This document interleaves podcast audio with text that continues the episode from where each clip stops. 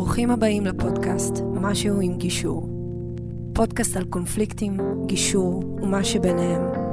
עם המגשרים נדב נשרי, דניאל הרוש וחברים. במהלך אה, חיי המקצועיים וה, והאישיים, יצא לי לפגוש כל מיני אנשים לאורך הדרך. אה, יש אנשים שאנחנו פוגשים אה, ככה ב, באיזשהו מקרה על הדרך, שלום שלום, אולי איזה פגישת עבודה, אולי נעשה איתם איזה משהו, אולי לא. ויש אנשים ש... שככה זה קורה, אבל כעבור כמה שנים, פתאום אנחנו נפגשים שוב. האורחת שיש לי פה היום זה בדיוק כזה. מישהי שפגשתי לפני כמה שנים. ואני לא זוכר אם עשינו איזה פרויקט כן או לא ביחד, אבל חיבה נוצרה שם. וכעבור שנים, אה, גיליתי שיש לנו המון אה, משותף. ואולי גם אה, בעשייה, אבל המון בערכים. ו... ומאחר ואתם תכף תבינו מי יושבת כאן איתי, וזו אישה עם המון יכולות והמון אמביציה, ולב במקום הכי נכון שיכול להיות, וגם יכולות להוציא את זה החוצה, אז אני ממש שמח שהיא פה, ואני בכלל מאוד שמח שהיא איתנו ב... בעשייה של לקדם, אה, אה, לתת לאנשים כלים לצמיחה במשברים, פתרון, שמירה על הילדים. אז אחרי כל ההקדמה הזו, אני רוצה להגיד לכם שנמצאת לי פה, פה איתי מיכל שרייבר, שהיא יזמית ומנכ"לית משרד הפרסום הדיגיטלי WebDan, אה, שהיא מומחית גדולה לניהול משברים, גדולה מאוד אני רוצה אפילו להגיד, כי אני יודע מה היא עושה. אה, וואי, אני פה, כמות ההסמקה היא לא... אבל אין מה לעשות, מגיע לך, מגיע לך. ופה במקום הזה אנחנו נותנים מה שמגיע, מגיע. וגם היא גם מומחית לניהול משברים גם בחברות וארגונים. וגם של שיימינג, של פרסונות אה, מוכרות בעולם, שגם אותם היא מלווה. ורציתי לדבר עם מיכל... אה, רגע, שנייה, תן לי לנשום רגע. תודה. מכל הלב, באמת. אתה, אתה יודע, זה, יש כמה עשורים שאנחנו עובדים על היכולת אה, ל, לשמוע מחמאות, ולא להגיד, לא, לא, לא, נכון? זה כאילו עבודה עצמית, בעיקר נשים, שרון פה מחייכת. אז, אה, אז הנה, אז, אז תודה. מכל הלב. זה אחרי הרבה עבודה. יופי. כן. אז, אז תודה טובה, כי, ומכל הלב, כי ממש מגיע. ואנחנו לא נדבר פה על שמות ופרטים, אבל אני כן. שומע ורואה ויודע את העשייה שלך, ו, ולא סתם. אה, אה, שמחתי שאת את כאן. אה, ואני רוצה שנדבר על ניהול משברים. כי בעצם אנחנו כל הזמן מדברים על הגירושין כמשבר. נכון. ומשבר, אנחנו דיברנו על האבלות והתהליך והגישור, אבל יש פה איזשהו תהליך, ויש פה פרופסיה שלמה נכון. של ניהול משברים. אז מה זה בעצם ניהול משברים? אז בואו נדבר על מה זה משבר, בסדר? אה, יש לנו כאילו כל הזמן משברים, נכון? יש גם זילות בכלל במילה crisis. אנשים אומרים, אני ב-crisis. יש לי קצת אה, אברסיה לדבר הזה. הרבה אנשים אומרים, נורא קל להגיד, נכון, נדב, אני מתקשר, אני ב-crisis, אוקיי? Okay? crisis זה לא הדבר היומיומי הזה שקורה. זאת אומרת, אם uh, במהלך היום יש לי ויכוח עם uh, מישהו מהעובדים שלי, או יש uh, ריב עם uh, הבוסית או הבוס, או עם בני זוג, דברים של יום-יום, זה לא משבר, זה מה שאנחנו קוראים לו מהמורה. בסדר? Uh, אני עובדת הרבה עם ארגונים. בארגון, זה לא שהכול uh, מתנהל על מי מנוחות. אם יש מנכ"ל שיש לו אלפיים עובדים, תמיד יש איזה עובד שעכשיו יש איתו איזה עניין, ועכשיו היה איזה לקוח שהתלונן. זה עדיין לא משבר. משבר בחיים ובארגון זה משהו שמטלטל את העולם. זאת אומרת שיש לפני ויש אחרי. ובמובן הזה גירושים הם משבר קלאסי, כי יש לפני ויש אחרי, והחיים נחצים למה היה קודם ומה יש אחר כך.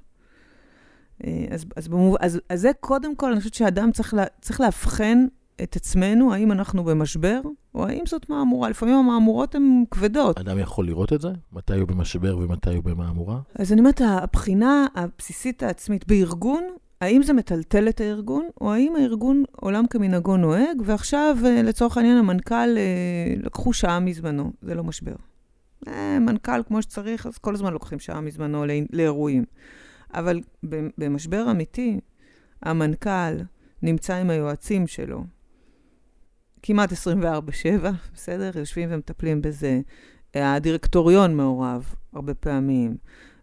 כל המערכת, פתאום שירות הלקוחות צריך לעבוד. ואותו דבר, אני, אני אוהבת את האנלוגיה הזאת בין משברים בארגונים למשברים אישיים שלנו.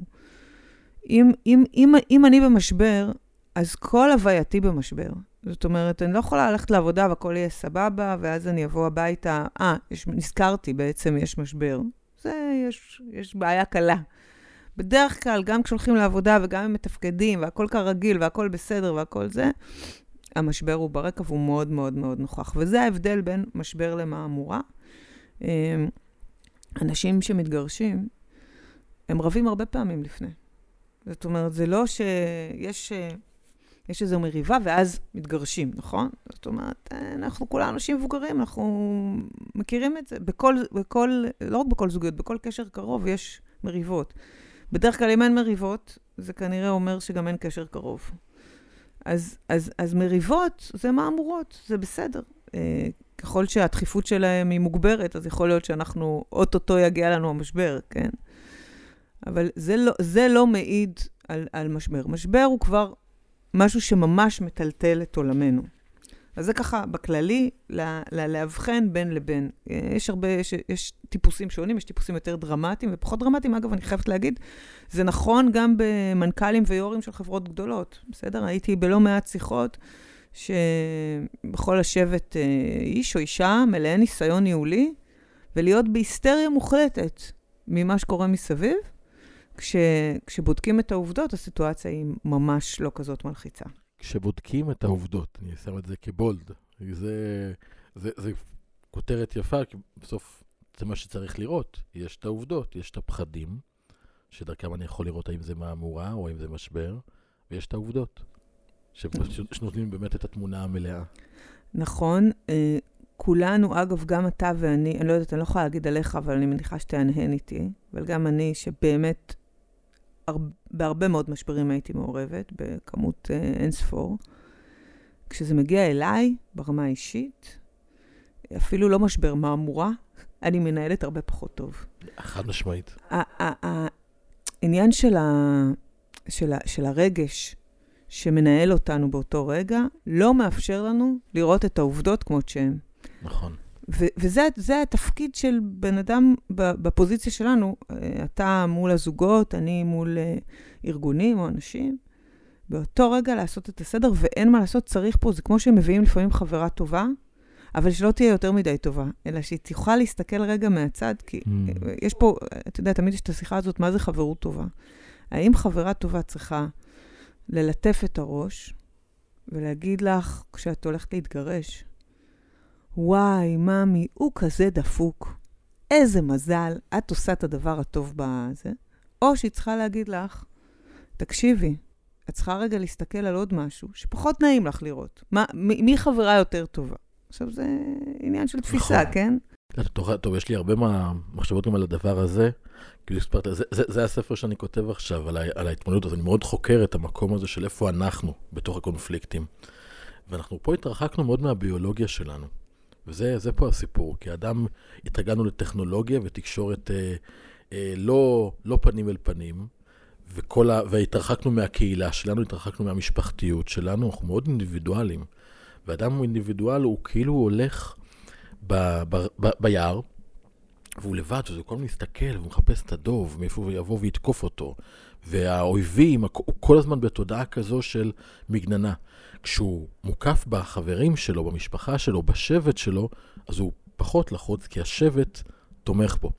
הוא שומר עליו. ואנחנו עם ההתפתחות המודרנית, וזה עניין של עשרות שנים, זה לא מאות שנים, זה בטח לא אלפי שנים. אנחנו פתאום הפכנו להיות מאוד אינדיבידואלים. בתודעה שלנו זה מאוד מובן לנו, אנחנו רוצים להגשים את עצמנו כן. ובקריירה, זה לא מתחבר לביולוגיה. ואנשים יכולים לחיות חיים שלמים ככה, כשהכול בסדר, כשיש רק מהמורות. אבל במשברים, אנחנו חוזרים לתוך הביולוגיה של הבן אדם. ואז נשאלת השאלה איך מתמודדים עם זה. אז אני מאוד חוקר את זה עכשיו, זה ה...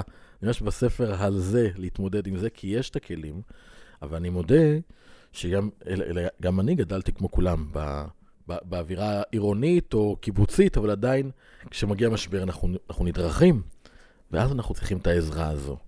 ואז איזה סוג עזרה אנחנו בעצם צריכים? איך אנחנו בכלל מקבלים את העזרה? איפה אני מוצא את העזרה הזו? אז תראה, יש כל מיני, כל אחד והתגובות אחרות. אני, אני אומר, כל מה שאני אומרת אה, נכון לארגונים, אני מרצה הרבה פעמים, יש לי סדנאות, ואני תמיד עושה את ההשוואה, את האנליזה בין ארגונים גדולים לבין אה, זוגיות. ארגונים גדולים לזוגיות. כן, אוקיי, ארגונים גדולים מעניין. והלקוחות שלהם. אתן לך דוגמה. אה, אה, אני כבר אומרת אה, מראש שאני, אה, יש לי בעיה לדבר על משברים שניהלתי, כי מן הסתם הכל תחת סודיות וכולי. יש כמה שהם פומביים ואין בעיה. תמיד אני אומרת שהמשברים הכי טובים שניהלתי הם אלה שאף אחד לא יודע עליהם, כי כנראה עשיתי עבודה טובה. שזה בכלל, אותה בעיה יש לנו בגישור גירושין. זה מאות, אם לא אלפי אנשים שעזרנו להם. אבל אי אפשר לדבר על זה. אפשר לדבר על זה, והם, לא. והם לא, מד, לא מדברים ולא מתראיינים. עכשיו, הלוואי שהיו קמים ועושים וצועקים, אומרים, חבר'ה, זה טוב, כן, אבל אני גם מבין למה הם לא עושים את זה. ברור, זה נורא. נורא אישי. בדיוק. אבל אחד הדברים, אגב, שאפשר ללמוד מהעניין הזה של ה... להרוג את זה כשזה קטן, זה, זה גם לחיים הפרטיים, אגב. אה, אנחנו מדברים, יש, יש לי תיאוריה כזאת שמתייחסת ל, ל, למשבר בתור ניצוץ, ואחר כך איזושהי התלקחות, ובסוף איזו שרפה אדירה. בסדר? יש כמה שלבים. ניצוץ יחסית נורא קל לכבות. קצת אה, דלי קטן של מים וסיימת את זה, אבל כשאתה מגיע ל, לאזורים של השרפות ענק, לא משנה מה תעשה, אתה, אתה כבר אבוד מול זה. אז, אז האירוע הזה צריך להתחיל אה, בקטן. אז רגע, אני חוזרת למה ששאלת אותי לגבי ארגונים גדולים וזוגיות. אה, לאר... כשיש לי ארגון, או לחברה, בסדר? או לצורך העניין גם לאיזה פרסונה מוכרת. מישהו בתפקיד ציבורי בכיר, או, או סתם אה, אדם עם... שכולם מכירים. פתאום יש לו משבר תקשורתי. מה זה? זה בעצם משבר או עם הלקוחות, זאת אומרת, גם אם אני שחקנית, ועכשיו מחרימים אותי, כן? אז זה הלקוחות שלי, הצופים זה הלקוחות שלי. זאת אומרת, ברגע שיש משבר בין ארגון, אה, כך כל ארגון, אה, כך אפילו שטראוס כזה, שעכשיו היה להם משבר אה, תקשורתי, כן? זה משבר מול הצרכנים שלהם. קודם כל, בעלי מניות, יש, יש הרבה רגולציה, יש, יש הרבה מאוד uh, מרכיבים. אגב, גם בגירושים יש, uh, uh, יש מעגל שלם שקשור לזוג הזה שהולך להתגרש. זאת אומרת, זה נכון שזה שניהם יושבים בחדר, אבל יש להם הורים ויש להם אחים ויש להם חברים שהולכים להיות מושפעים מהמהלך הזה, וכמובן, בראש ובראשונה יש להם ילדים שמושפעים מהמהלך הזה וכולי. ולכן, גם, גם כשמדברים על ארגון, אז יש לו קהל של לקוחות, יש לו עובדים שמושפעים מהמשבר, יש רגולציה שמטפלת בו, יש בעלי מניות, שיכול להיות גם, גם, גם בקהל הרחב חפיפה, יש דירקטוריון, בקיצור, יש הרבה מאוד. ולכן, הרבה פעמים אני לארגונים מלמדת שהם צריכים להתייחס אל מערכת היחסים שלהם מול הקהל שלהם, כמו במערכת יחסים זוגית. אני אתן דוגמה. בסדר, כשאנחנו באים אה, לפתור משבר, אז אנחנו מייצרים קודם כל אה, אסטרטגיה. זאת אומרת, אנחנו, יש כמה שלבים. השלב הראשון הוא מפינג, מה שאתה דיברת עליו קודם, של מה העובדות. נכון? כאילו, אנחנו עוברים מדיון על דעות, אני חושבת א', אתה חושב ב', לדיון על עובדות. העובדה היא ג', כן? ואני מניחה שאתה עושה את זה בתהליך שלך, כי, כי, זה, כי זה תהליך שבו אין מקום להתווכח. נכון. מבחינתי, כדי להגיע לעובדות, אנחנו קודם כל עוברים את הביולוגיה, את הסטרס, קודם כל מייצרים יציבות. מתוך המקום הזה שאני לא מרגיש שאני ב... במקום הישרדותי, אלא אני בתוך משבר, אבל אני בשליטה על מה שקורה, אז אנחנו מתחילים לדבר עם הרגשות, תסכול, קנאה, כעס, שמחה, ציפייה, תקווה לעתיד. אז, ואז אנחנו מתחילים לייצר את הפרקטיקה, בשביל זה עובדות. זאת אומרת, העובדות הן חשובות, אבל לא מתחיל, אבל בהתחלה, כש- כשמישהו רק נכנס לתוך המשבר, זה כמו שמישהו עכשיו מרגיש שהוא טובע, ואומרים לו, עזוב, זה יעבור. כן. אז- אז מה, תראה, יש אחרת. הרבה עבודת פסיכולוגיה, גם אצלי, גם מול אנשים הכי הכי הכי אה, מקצועיים, מנהלים בכירים, מנהלות בכירות. זאת אומרת, זה ברור שלפני הכל אנחנו מחזיקי היד שאומרים, נעבור את זה, בסדר? נכון. אבל אז, ב- בארגונים, לעומת הסערה הכל כך רגשית הזאת, אז כאילו הרגשות בחוץ, תכף נדבר על זה, בוודאי שהרגשות שם, ואנשים חוששים מה יקרה לחברה ומה יקרה, יש פה הרבה מאוד רגשות, אבל לכאורה אנחנו במקום יותר שכלתני. ואז אחרי שהבנו את תמונת המצב, אנחנו נכנסים לבניית האסטרטגיה. בבניית האסטרטגיה אנחנו בעצם צריכים להחליט האם אנחנו מגיבים, איפה אנחנו מגיבים, כמה אנחנו מגיבים, למה אנחנו מגיבים.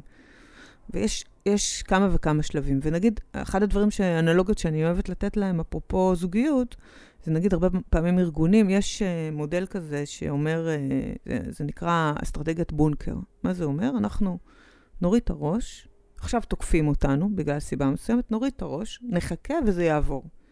עכשיו, זה עובד בחלק מהמקרים. אגב, יש גם מקומות שזה נכון לעשות את זה.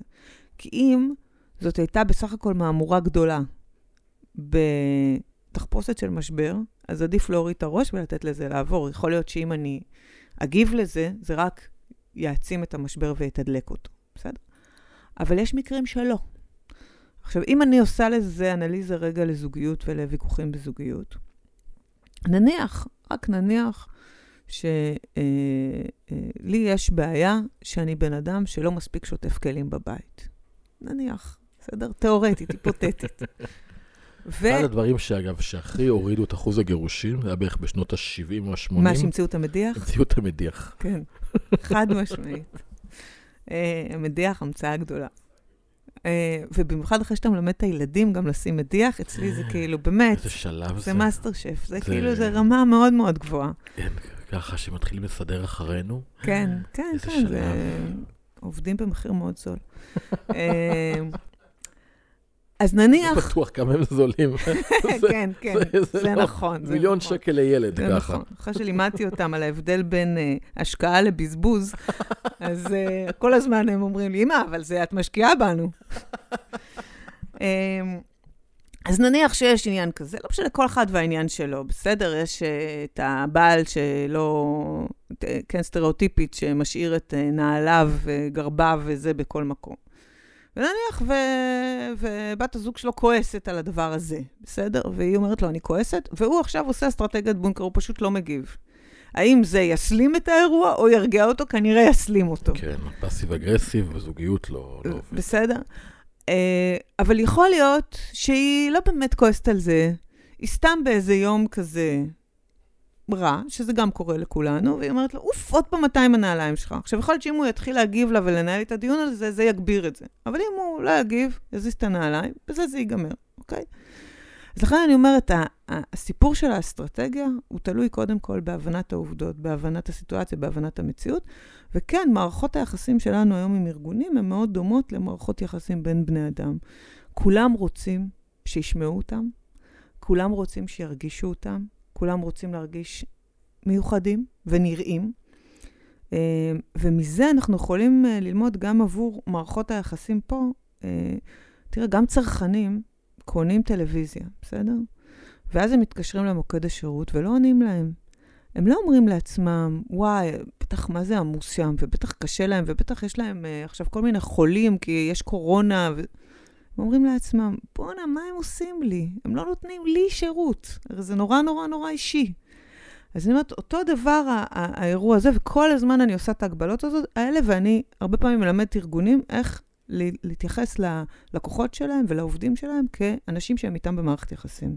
אז זה בתוך מערכת יחסים שהיא גם תקינה, אז יש מהמורות, יש אה, פה, חזרתי, נכון. יום, יום עמוס, יום לא עמוס, יום טוב, יום לא טוב. ואז אנשים מתגרשים משבר. בהגדרתו, כן. משבר. נכון. ופה מולי עכשיו אדם שאני מרגיש כאילו הוא מת, אבל, ויש לי מלא תסכול וכעס ואני מבין איפשהו בקדמת הראש שאני צריך להמשיך איתו שיתוף פעולה, כי הוא האבא או האמא של הילדים שלי. אבל אני לא יכול, אני מרגיש מאוד מתוסכל, והוא גם העתיד שלי, הכלכלה, היציבות, הכל תלוי גם בו. אם הוא ייתן לי כסף, הוא ייקח ממני כסף, זה מאוד ישפיע על, על ה-well-being שלי, על היכולת שלי לחיות. וזו סערה אדירה. נכון. ואז אני, אני רוצה את היועצים, אני, אני רוצה שמישהו יעזור לי. ויש מלא יועצים, אני יכול להגיד בתחום הגירושין, כן. וואו. גם בתחום שלי יש הרבה יועצים. לכל, כמה, כמה עצות שתרצה, אז תקבל פי שתיים. באמת? בטח. בתחום, אז, אז בתחום הזה, בתחושה שלי שבגירושין יש, יש מטפלים, ועורכי כן. דין, ויועצים כלכליים, ויועצ, ו-mentoring, ו, וכל כך הרבה הרבה הרבה אז דברים. אז בוא, בוא נדבר רגע על מה התפקיד של יועץ בכלל, בתוך או. האירועים האלה המשבריים, בסדר? בעיניי, מה יועץ טוב עושה, בסדר? אני הייתי בכמה אירועים משבריים. שלפעמים בתחומים שלי, בגלל שיש קאדר מקצועי, האישיו הכלכלי הוא פחות אירוע. Mm-hmm. אז מביאים כאילו את uh, הטובים ביותר, ואז הוא אומר, "אה, אז תבוא גם אתה, גם, גם ההוא שאחראי על, ה, לא יודעת, על השיווק, תבוא גם אתה, תגיד מה אתה חושב וכו'.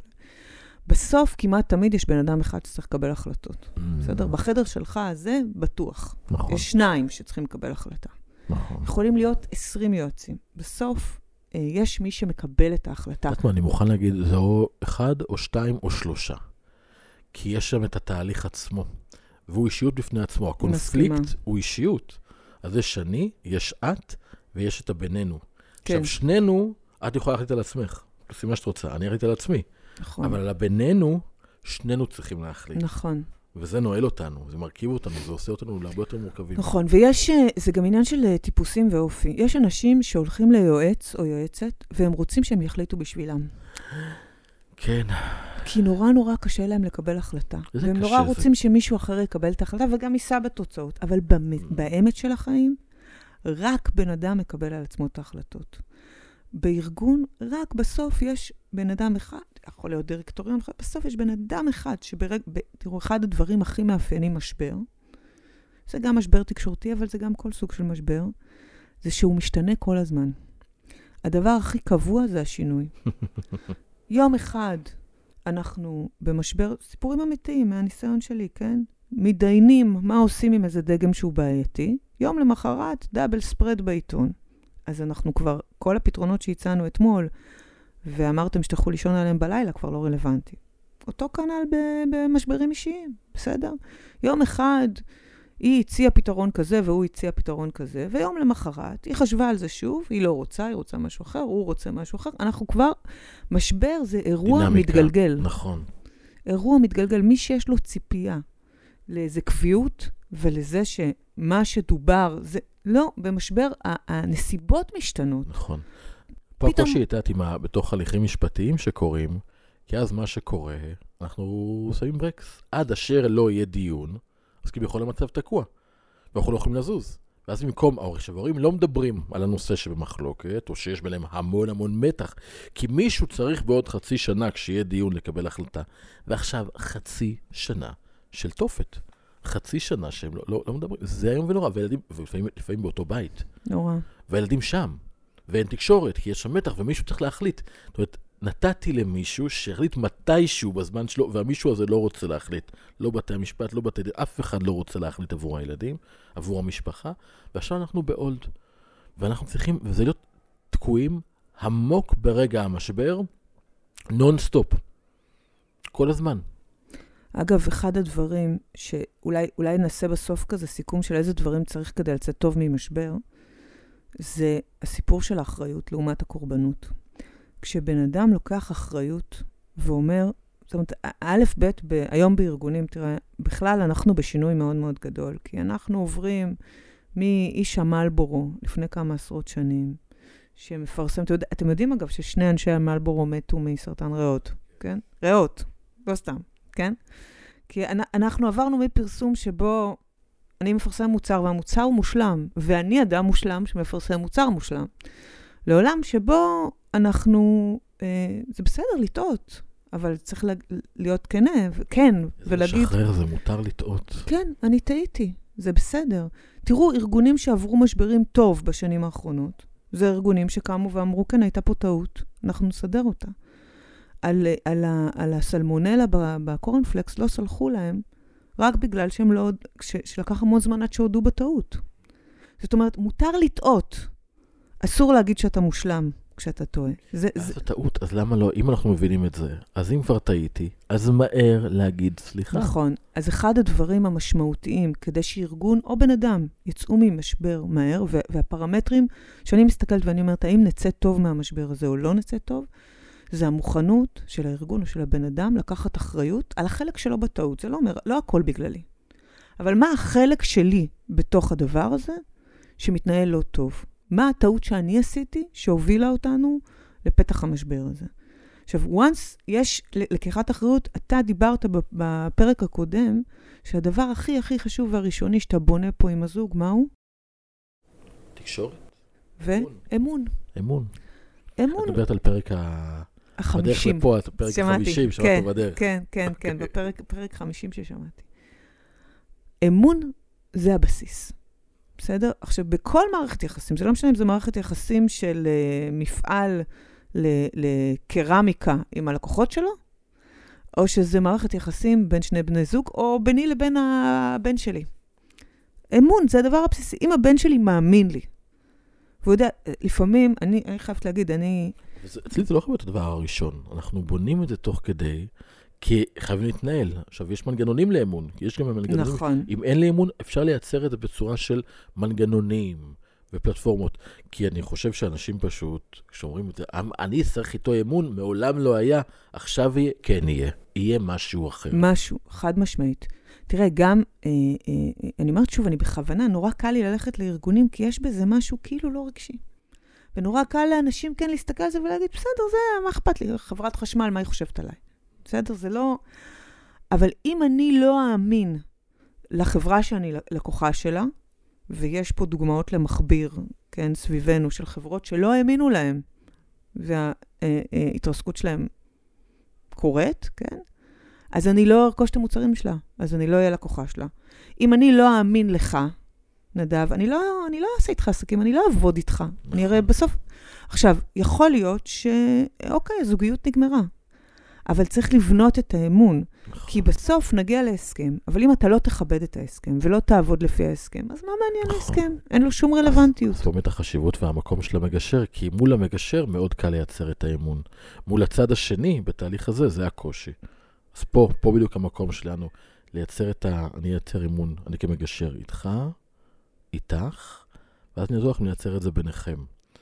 אבל לעשות את המקום הזה, ופה אני, אני אגיד איפה אני מציע לכולם להיעזר בשירותים של ניהול משבר, של כשאנחנו בתוך החדר, אז, אז, מאוד, אה, אז יש לי שליטה מלאה. יוצאים החוצה, אני בבעיה. כן. כי אני לא יודע איזה ייעוץ הם מקבלים. עכשיו, אם לכל בן אדם שמתגרש היה מוצמד יועץ לניהול משברים, שרואה את זה איתו, ואומר לו, בוא נסתכל מה נכון, מה לא נכון. אה, איך אתה מגיב לזה, איך אתה מגיב לזה. האם זה יקדם אותך או לא יקדם אותך, אז זה היה לי מדהים. הבעיה שיועצים כאלה, זה לא שאין, יש. כן, יש, ויש אנשים נפלאים וטובים מהרבה אה, כן. אה, דיסציפלינות. אבל לא כולם מומחים בניהול משבר ולראות את זה כאיזשהו תהליך שצריך לנהל אותו. אז כשאני מחפש את היועץ, איך, איך אני בוחר יועץ? אז זהו, אז אני, אני רוצה להגיד כמה דברים. אחד, אה, הנטייה הזאת לריבוי יועצים, כאילו אם יהיו לי יותר יועצים יהיה לי יותר טוב, זה לא נכון. להפך, אה, אומרים, אה, יש אה, שני, שני יהודים, שלוש דעות. לפעמים צריך לשמוע אה, אנשים שייתנו לך, אה, קודם כל שיסדרו לך את המידע. בעיניי התפקיד של היועץ, קודם כל, זה להסתכל מלמעלה ולסדר לך את המידע בצורה יחסית אובייקטיבית. עם יכולת ביקורת עליך. יועץ טוב הוא לא היועץ שאומר לך, כל מה שאתה עושה זה נפלא. אתה אדם נפלא. אתה, הבעיה היא בה. אתה עושה את כל הבעיה, את כל, אתה, אתה נפלא. אתה מושלם, בטח. זה, אם יועץ, יש לך כזה יועץ, תשלח אותו, הוא לא יועץ כן. טוב. הבעיה שאלה היועצים שאני הכי מרגיש שאני צריך. נכון, כי הם מחזקים אותי. אבל, אני רוצה ואז, שמישהו יגיד לי, אתה הכי טוב. נפלא, ואז אנחנו נכנסים לתוך אה, נושא שאני מתה עליו. אני, אני כבר אה, אתגלה לך סוד שאני עכשיו עושה איזה פיתוח של אה, סדנה עליו, שנורא מעניין אותי, טווח ארוך וטווח קצר. בסדר? בעיניי, כל בן אדם שנמצא במשבר צריך להחליט האם אני רוצה פתרון טווח קצר או פתרון טווח ארוך. אם אני רוצה פתרון טווח קצר, בטווח הארוך יהיה לי לא נעים. אם אני רוצה פתרון טווח ארוך, בטווח הקצר יהיה לי לא נעים. אגב, זה נכון לכל החלטה בחיים. תסתכל על זה גנרית, על כל החלטה בחיים. נכון. זה האישיו של החיים שלנו. אנחנו חיים במדינה של טווח קצר.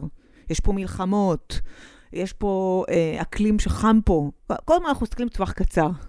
נורא קשה לנו להסתכל בטווח ארוך, בגלל זה כל כך קשה פה כלכלית, כל כך זה, אף אחד... פעם הייתי בלקוחות אה, מאוד גדולים בעולם הכלכלי, והתעסקתי בכל מה שקשור לחיסכון. אתם יודעים שהשתנה פה, אה, לפני 30 שנה, היו פה הטבות מס לחיסכון לטווח בינוני. זאת אומרת, לא רק פנסיה למתישהו שזה... היו, הטבות מס אם היית חוסך ל-15 שנה, וואלה. כן, היו, אוקיי. ואז הייתה ועדה שביטלה את זה, אוקיי? עוד, הרי סבא וסבתא שלנו התנהגו אחרת לגמרי כלכלית מאיתנו, בסדר? אני טיפה סוטה, אבל אני אומרת, נכון. למה אני סוטה לשם? כי זה האזור של הטווח ארוך לעומת טווח קצר. עכשיו, הורידו לנו את ההטבות, לא מעודדים אותנו היום לחיסכון וזה, ואנחנו באכול ושתה, כי מחר נמות. נכון. בגירושים, ואגב, גם בגירושים של חברות מהצרכנים שלהם, אבל גם בגירושים בין שני אנשים, כש, בעיקר כשמעורבים ילדים. בסדר? לא מעורבים ילדים זה אירוע אחר. מעורבים ילדים, יש פה טווח ארוך. גם כשהילדים יגמרו את גיל 18 וכבר לא תהיו, יהיו בחזקה משותפת, הם הילדים שלכם ביחד. נכון. זאת המשפחה שלכם, תרצו, לא תרצו, בסדר? כשההורים התגרשו, ושני ההורים, הילדים כבר גדולים, יש להם נכד, יש, יש נכדים, יש ילדים, ושני ההורים בחו"ל. עם מי אני עושה את החג? זה קרה, פתאום אתה רואה, ההורים, אין אף אחד במשפחה. כן. טוב, אתה נשאר בליל הסדר, לבד עם הילדים הקטנים, כי כולם לא בחו"ל. זה תמיד, כשמתגרשים, זה, זה, זה, זה לכל החיים, תמיד צריכים לזכור את זה. בוודאי. את בדיוק, זה מצחיק, הטווח ארוך, טווח קצר, זה מתודה שאני משתמש בה הרבה מאוד פה. בדיוק אתמול לימדתי אותה פה בפרקטיקום. כי בעצם אנחנו עושים בתוך התהליך שני דברים. טווח בינוני, כשמישהו בתוך משבר, הוא לא רואה אותו. חד משמעית. הוא רואה את מחר, את עכשיו, והוא יכול לדמיין את העתיד הרחוק. אז אנחנו עובדים, פועלים בשני המגרשים האלה. מצד אחד, בואו נדבר מה קורה השבוע. ממש, מי לוקח, מי אוסף, כן. איך מתנהלים, כדי לייצר להם אפשרות לישון, וכל אחד שידע מתי הוא יושן, איך הוא ישן, איפה הוא יושן, ש... שינשמו. ואל מול זה, במקביל, רחוק, חמש שנים, עשר שנים היום, אחרי שאתם כבר יודעים שתעברו כן. את כל המשבר הזה, איך החיים שלכם ייראו. ואז עקב בצד אגודל, הם מתקדמים יום ליום, מתחילים לנשום, לראות שהם כבר לא בהישרדות, מתחילים לייצר איזושהי תמונה, ואז יכולים להתכוון את האנרגיה שלהם לעתיד. ואז הטווח הבינוני הוא כבר הופך אותו ביותר ברור. נכון, אז אפרופו מה שאתה שואל אותי, איך בוחרים יועץ, בעיניי צריך לבחור יועץ שמסתכל על הטווח הארוך. גם אם המשבר עכשיו הוא קטלני, גם אם אה, אה, עומדים אה, צרכנים אה, אה, על חברה מסחרית ועומדים לשרוף את זה, זה בסדר, צריך להזיז את הצרכנים עכשיו, אבל צריך לדאוג שגם בעוד חמש שנים הצרכנים האלה יבואו לקנות אחרת, כל העסק ייפול. אז בעיניי יועץ שיכול להסתכל מ-50 מטר למעלה ולהגיד, תשמעו, זאת המפה. ואם אנחנו רוצים להגיע בטווח הרחוק, אז זה מה שצריך לעשות עכשיו. זאת אומרת, זה גם מה שנקרא choose your battles, בסדר? באופן כללי יש הרבה עניין של צדק לעומת חוכמה. ו- ובתוך האירוע הכל כך סוער הזה, האם זה נכון לריב עכשיו על זה ש- אה, שכשהילדים הלכו לשם, הם אכלו רק גבינה צהובה ולא קיבלו אוכל מבושל? האם זה mm. נכון? עובדתית עדיף שיהיה אוכל מבושל. האם זה נכון בתוך המערך הכללי? נכון. אם אני רוצה, בעוד שלוש שנים, להיות במצב של מערכת יחסים שבה אה, אוכלים מדי פעם ביחד אולי, יש איזושהי מערכת יחסים טובה וכולי. האם זה נכון לעשות? זאת אומרת, נכון. אלה שאלות, טווח ארוך, טווח קצר. כל הזמן, כל הזמן נכון. uh, בתוך האירוע. אני חושבת שאת אומרת את זה ככה, אז אני באמת חושב על זה שהרבה, זה, שוב, זה השיח המשפטי, בגישור אנחנו רואים את זה ככה וזה עובד חלק, אבל כשמישהו הולך בשיח הלוחמני המשפטי, אז על כל דבר רבים, שלא יהיה הפסק. מי הזמין, מי הלך, מי לקח, שלא יהיה שאני אמרתי, כי אז זה ייתפס כחולשה. תגידו, מה, אנחנו מדברים פה על מי, מי אוסף מהחוג, מי, מי הזמין את הטיפול. היא אמרה שילד צריך טיפול, אז אני לא אסכים, כי זה לתת לה איזשהו, איזה שטח, ואז שטח כבוש, לא, לא, לא נקבל אותו בחזרה. מה זה הדבר הזה? אבל כשיש הסתכלות ארוכה, אני אומר, על מה אני רב? על מה אני רב? על מי אוסף את הילדים? על לשלוח אותם לטיפול כן או לא? על, על, אני, הבית ספר הזה, הבית ספר הזה, זה... אני אומר את זה ואני אומר את זה בשלווה, אבל זה, אבל זה מזעזע. נורא. כי לראות את הדברים האלה, נורא. זה, זה היום, הנזק שזה עושה לילדים, נורא. אז אנשים, על הטווח הקצר, על התחושה שאני כופפתי את הצד השני וניצחתי בדיון הזה, אתם מאבדים את הטווח הארוך. וטווח הארוך זה, זה החיים עצמם. חד משמעית. חד משמעית. זה החיים עצמם. הטווח הארוך, החוויה של הילדים שלך, אם יש להם משפחה, או שבגירושים נגמרה להם המשפחה. איזה משפט. יש לך מה להגיד על זה. יש לי, יש לי הרבה. אה, אבל, אבל זה באמת, זה, זה דרמטי.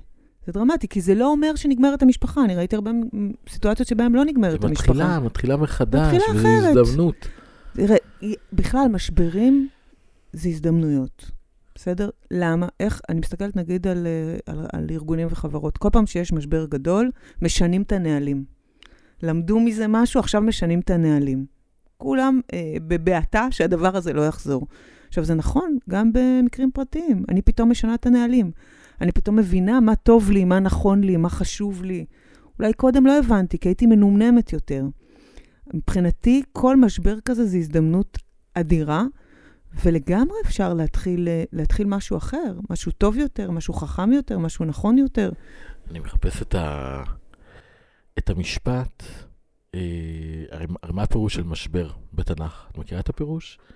משבר זה, אני רוצה את הציטוט, זה מהפסוק, ובצער תלדי בנים, אומר שם שהתינוק היה מגיע מהמשבר. כמעט המשבר. נכון. המשבר זה כיסא היולדת. נכון. המשבר זה הזדמנות. עכשיו, בכל העולם, בכל הדתות, בכל התרבויות, אנחנו יודעים את זה. היה משבר, צמחנו. נכון. אנחנו לא אומרים, אני עלה קדימה, כל המשברים עליי, קדימה, קדימה, קדימה. אבל אם כבר יש משבר, ואנחנו מנהלים אותו נכון, ואנחנו מבינים את הביולוגיה, אנחנו מבינים את העובדות, אנחנו מבינים את הרגש, את, ה, את המשולש הזה, אז זה יכול להיות הזדמנות נפלאה, גם שאני אחיה טוב כהורה, גם לילדים שלי שיהיה מודל טוב, גם להורה השני, שגם הוא יהיה לו טוב וגם יהיה מודל נכון. טוב. נכון. אגב, זו הבנה שכולם צריכים להבין שזה באינטרס שלהם, של ההורה השני יהיה טוב. איך עושים את זה? את יודעת מה? איך עושים את זה? כי זה, זה, זה, זה, אם אני יכול לזקק את הפודקאסט הזה, וואלכ, זה אחד המשפטים אומר, זה, זה מה שאנחנו רוצים. נכון. ואנחנו לא משקיעים פה כסף, אנחנו לא, אין לנו פה כיסאים אה, בלתי נגמרים, כמו מי שלוקח 200 ו-300 אלף שקל לניהול של תיק. כן. שמשקיעים כספים בפרסום אה, מפה עד הודעה חדשה. אבל לא צריך. האירוע, אני אומרת, מה שאני אומרת בהיבט של המשברי, קודם כל, ההבנה שאפשר לנהל משבר. אני חושבת שזה, כל הזמן אנחנו אומרים, ניהול משברים, ניהול משברים. רוב האנשים לא מנהלים, הם מתנהלים. בתור, המשבר מנהל אותם. אגב, יש גם ארגונים כאלה. אני, מתי דיברנו? ביום שישי או חמישי? מאז היו לי חמישה טלפונים של משברים, בסדר? חמישה. חלק פרטיים, חלק של ארגונים מאוד גדולים. אני לא, אני לא מהרת לקחת משבר, כי בשבילי, כשאני לוקחת משבר, אז אני, זה, זה, זה, זה כאילו, אני פתאום בתוך הדבר הזה. ולא, גם לא יכולתי, השבוע היה לי כל מיני דברים, וזה לא... לפעמים זה מספיק שיחה של עשר דקות, ובום, הבן אדם, זה, זה נפתר לו. אוקיי? למה? כי רוב האנשים לא חושבים שאפשר, הם מתנהלים בתוך זה. אני, יש איזה משבר גדול לא מזמן שהתנהל, שפנו אליי, ורק הראיתי להם איך הם, מתנהל, איך הם כל הזמן מגיבים למה שתוקפים אותם, והם לא, לא לוקחים בעלות על השיח. אוקיי? ואותו דבר גם אצל אנשים. הרבה פעמים אנשים, אוקיי, עכשיו יש שבר זוגי. בסדר, זה לא אומר שלא צריך להסתכל על הילדים ולתווך להם את זה. זה לא אומר שלא צריך לבוא ולנהל איזשהו דו-שיח. זה לא... יש המון דברים אקטיביים שאפשר לעשות. זה לא... אנחנו לא קורבנות ולא פסיביים בתוך הדבר הזה. אז כשאני מבינה שאני מנהלת את המשבר שלי, אני לוקחת יועצים, ואני, אה, יש בהודו, תמיד זה יצחק אותי, יש שלושה אנשים על האוטובוס. יש נהג, יש כרטיסן ויש manager of the bus. בסדר? אף פעם לא הבנתי מה הוא עושה, אבל יש manager of the bus. אני ה-manager of the bus של המשבר שלי, בסדר? אני זאת שעכשיו מנהל... אז קודם כל, איזה חוויה של עוצמה ושל כוח יש ממש, לי. ממש, ממש. אני, אני מנהלת את האירוע הזה, אני לא מתנהלת, הוא לא קורה לי. לא פתאום אה, באו אליי בטענות, לא עשו לי, לא אכלו לי, לא שתו לי. זה אני, אנחנו המבוגרים. לי יש ממש את החוויה הזאת שהורים הם המבוגרים. פעם ראשונה שאני רואה מה זה הבגרות והאחריות והורות, ואני מנהל את החיים שלי, זו זכות אדירה. נכון, אני המנהל של הדבר הזה. יש פה ילדים, ילדים הם לא, הם לא, הם לא צריכים לנהל. אגב, ואני אומרת את זה, כש, כשיש מבוגרים שלא מנהלים, אז הילדים מתחילים לנהל. כן. שזה דבר מאוד רע. מאוד רע. זה ילד שמאבד את, את, את הילדות. חד משמעית. קראתי איזה כתבה כזאת בסוף שבוע על פנימייה, מקרים, והיא כתבה שם יאנה פבזנר, כותבת מהמם. כתבה, ראיתי ילדים שרואים שכבר ילדות נלקחה מהם. משפט נוראי. וקודם דיברנו על איך בוחרים יועץ, אז אתם יודעים, יש את המשפט הזה, עשה לך רב. Mm-hmm. זאת אומרת, תבחר אחד. אחד שאתה מתייעץ איתו, בסדר? ו- ו- ומקבל ממנו, שוב, הוא צריך לתת לך פרספקטיבה, או לתת לך פרספקטיבה, שהיא אחרת ממה שאת רואה. זאת אומרת, לא, כן. לא רק את מה שגם ככה חושבים. אבל זה מסוכן בתחום הזה, כי אז ייקחו יועץ אחד, ויש לו את האינטרס שלו. אני אומר אחד, אבל עוד אחד שיבוא איתנו. אין לי בעיה שיהיה יועץ אחד. אפשר, אני מעדיפה כאלה שאין להם אינטרסים. זה, או, אם זה אחד שאין לו אינטרס, מסתכל מלמעלה, זה אין לי בעיה. אני אוהבת כאלה שאין להם אינטרסים. אני, אגב, גם בעבודה שלפעמים זה גופים שאנחנו גם, המשרד פרסום שלהם, או whatever, אני אומרת, אני לא רוצה אינטרסים. זאת אומרת, אני לא רוצה שיהיה לי אינטרס שאם אני, אה, אני ארוויח יותר ממשהו, אני תמיד, אני, אני בונה את כל ההסכמים שלי, אני תמיד משטחת אותם, שתהיה זהות אינטרסים. אני מאוד מאמינה בזהות אינטרסים. מעולה. יועץ אחד שאין לו אינטרסים, זה אני חי בשלום. זה, זה, זה יועץ הדבר אחד הכי... שיש לו אינטרס, זה מסוכן מאוד. כן. אז, אז רגע, בוא, כמה, לפני שאנחנו מסיימים קצת על איך בונים אמון, בסדר? קודם כל זה צעד אחרי צעד. אחר כך זה הסיפור של ההודעה בטעויות. לא ממקום חלש, ממקום שמנהל את המשבר, אני מזכירה. אני טעיתי בזה שלא אמרתי שאני יוצא מהבית. אני טעיתי. לא משנה, כל אחד. זה. ואז הודעה בטעויות היא לא מספיקה, היא רק חלק אחד. אחר כך יש את הצד של הלקיחת אחריות. לקיחת אחריות אומרת, לא רק שטעיתי אז, עכשיו אני עושה דברים אחרת, כי אני לקחתי אחריות. למשל... כמה הקנס על לקיחת אחריות ואמירת סליחה? אה, מה, לא תמיד יש קנס. אין קנס. לא, לא, בכלל אין לא. לזה מחיר. לא, אבל אבל לפעמים, אני טועה כל הזמן, מה אכפת להגיד שטעיתי? לפעמים לקיחת אחריות אומרת, למשל, אם משהו שאני עשיתי, יש לו משמעות כלכלית, הוא עולה כסף. Mm. אז זה מגניב להגיד, טעיתי, אבל שמישהו אחר ישלם. אבל אם אני לוקחת אחריות, אני טעיתי, אני אשלם. ויכול להיות שבעצם האמירה של טעיתי, ואני אולי אשלם, השאלה כבר זה כמה ואיך, ויכול להיות שזה יהיה שקל סימבולי. מאוד יכול להיות. זה, אנשים, הרבה פעמים אנחנו רואים את זה בתוך תהליכים. עצם זה שיש לקיחת אחריות, או שיש הסכמה לתשלום, לא אומר מהם תנאי התשלום. וצריכים לעשות הפרדה בין זה. נכון, אבל נורא קל בכסף לכמת את זה. אבל לפעמים האחריות יכולה להיות בדברים אחרים. יכולה להיות, אני טעיתי, לא, אה, לא תקשרתי לילדים משהו שתכננו זה, אני עכשיו אדאג לתקשר להם בצורה ברורה כל שלושה ימים.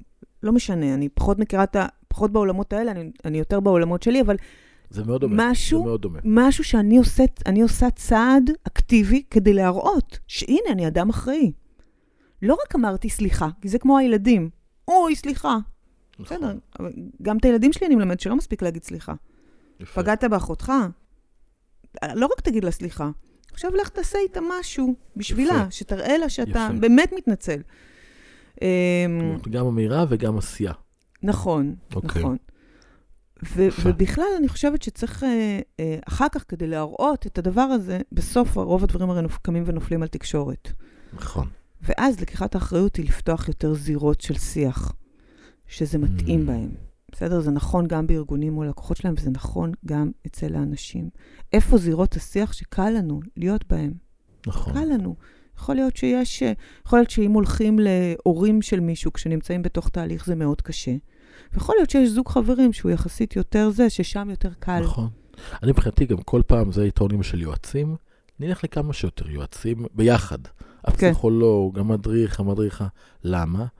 יש, פתאום אנחנו מביאים את עצמנו לתוך סיטואציה, מספיק הרי שאחד יבין את זה ואז יעשה את זה, שאנחנו יושבים ומדברים על טובת הילדים שלנו והמשותף שלנו, ו- ורק מדברים, זה לא משנה מה ההסכמה, אבל אנחנו בעצם, זה מראה לנו כמה אנחנו שותפים, ואז זה מחזק את השותפות. אז כמה שיותר מפגשים שכאלה של זירות תקשורת, אני מאוד מתחבר לזה, מאוד עוזר.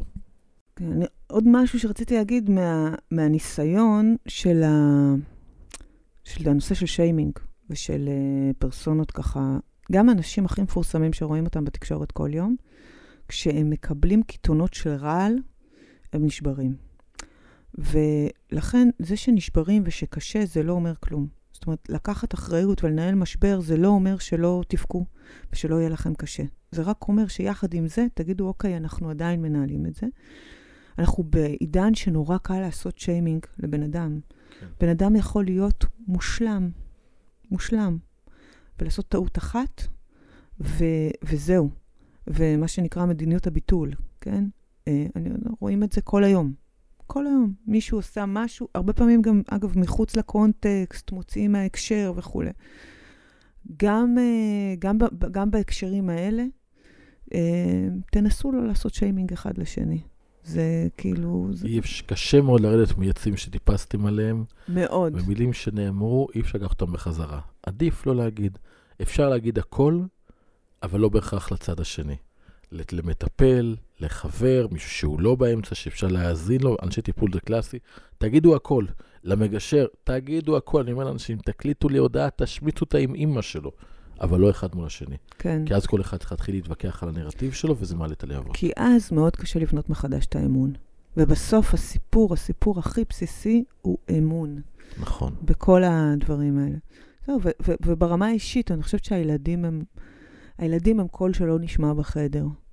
ו- ומישהו צריך להביא את הקול שלהם. ו- נכון. ולכן במקרה כזה, מישהו כמוך, בסוף אתה מביא את הקול של הילדים, יותר נכון. מהקול. ו- וילדים לא בוחרים, הם לא בוחרים. הם לא בוחרים שההורים שלהם יתחתנו, נכון. הם לא בוחרים שיביאו אותם לעולם, והם לא בוחרים שההורים שלהם יתגרשו. נכון. ו- והם צריכים משפחה. נכון. בכל, uh, בכל מצב הם צריכים משפחה, והקול שלהם צריך להישמע. זה, זה הדבר הכי משמעותי בעיניי. אני חושבת שהורה אחראי הוא הורה שחושב על הילדים שלו עוד לפני שהם מגיעים לעולם, ושכשהוא עושה מהלכים, הוא שומע את הקול שלהם, הוא מצליח לשמוע אותם. הוא מצליח, זהו. כי כל, כל הורה יסכים עם זה. לפעמים אנשים, כמו שאמרת, נשברים, גם אנשים חזקים, גם פה. אני חושב התפקיד שלי בחדר כמגשר, וגם, וגם פה הפודקאסט הזה, פה שלנו, זה להגיד לאנשים, גם אם אתם לא שמים לב אליהם עכשיו, אנחנו נעזור לכם כן לראות אותם, בלי שזה יפגע בכם. כי אם טובת הילד, אני אגיד לך סוד, אם טובת הילד עולה על טובת ההורה, טובת הילד נזרקת מהחלון. זה, זה, זה ככה, וזה כן. עצוב. אנשים שעושים את מוכר. הדברים האיומים ונוראים, מדברים הכל בטוב טובת הילד. בשביל טובת הילד, בתור, בכותרת של טובת הילד עושים, אה, פוגעים כן. בילדים בצורה. מחפירה. כן, אבל הם לא עושים את זה בכוונה. הם עושים ברור. את זה כי, כי הם לא רואים אחרת. כן, התפקיד שלנו, והתפקיד של יועצים טובים, זה לעזור לראות אחרת ולהחזיק את היד. ואני חושב שאם יש יועצים טובים, כמוך, שמזמינים ומאזינים, ואני לא יודע אם יש לך מחלקה של ליווי אנשים במשברים של גירושין, אבל אם אין, אני הייתי מאוד שמח שתפתחי כזאת אה, אה, מחלקה, כי אני חושב שתוכל לעשות באמת. לאט, לאט לאט. זה, יש הרבה צורך במקום הזה, והרבה, צריך אנשים באמת שמלווים ויועצים בלי אינטרס. זה, זה מאוד חסר, ומאוד, אה, וזה עצוב שחסר. אז תחשוב אולי- מה זה לעבור כזה משבר, שגם אה, זה בתקשורת. נגיד אנשים שמתגרשים, והם אנשים בפרופיל גבוה, וכותבים גם על הגירושים שלהם כל הזמן בתקשורת. לא, כמה אני- תעצומות נפש צריך לדבר הזה, וכמה בגרות, כן, בגרות ובשלות כהורה אתה צריך כדי להגן על הילדים שלך מהאירוע הזה. יש... זו סיטואציה מאוד מאוד מאוד מורכבת. אולי בעוד אה, 40 שנה אני אוכל אה, ל, ל, ל, לספר על כאלה מקרים שהיו לי כאן, שראיתי אנשים כאלה, כן, והם היו... אה, זה מהמם. אנשים שבאמת... טוב, אני לא יכול להרחיב, אבל אני ראיתי פה כן. דברים באמת... אה, כן, כן, כן, כאלה, אנחנו אנחנו מכירים, רואים אותם. מכירים שנינו, זה, זה, זה מדהים. בסוף בני אדם הם בני אדם, וזה פשוט עוד, נכון. עוד נדבך מאוד נכון. מאוד מאוד מאוד אה, זה. אז תודה על כל מה שאתם עושים פה, זה ותודה מדהים. לך, מיכל, שתדעי, התמיכה שלך, חיזוק העשייה שלך, היא נותנת לי המון המון כוח. אז אה, תודה רבה רבה רבה. תודה. והמון בהצלחה. ואנחנו עוד ניפגש ועוד נעשה עוד הרבה. כן, ותודה למאזינים. נהניתי. ותודה לשרון. אני לא אמרתי גם בפרק קודם, אז שרון, תודה רבה רבה. אין עלייך. ותודה לכל, ה- לכל מי שלקח פה חלק, ולמאזינים, ובבקשה, תשתפו, תעבירו את המסר. אנשים צריכים את זה. נכון. אה, ואנחנו פה לעזור. תודה, ולהתראות. תודה רבה. להשתמע.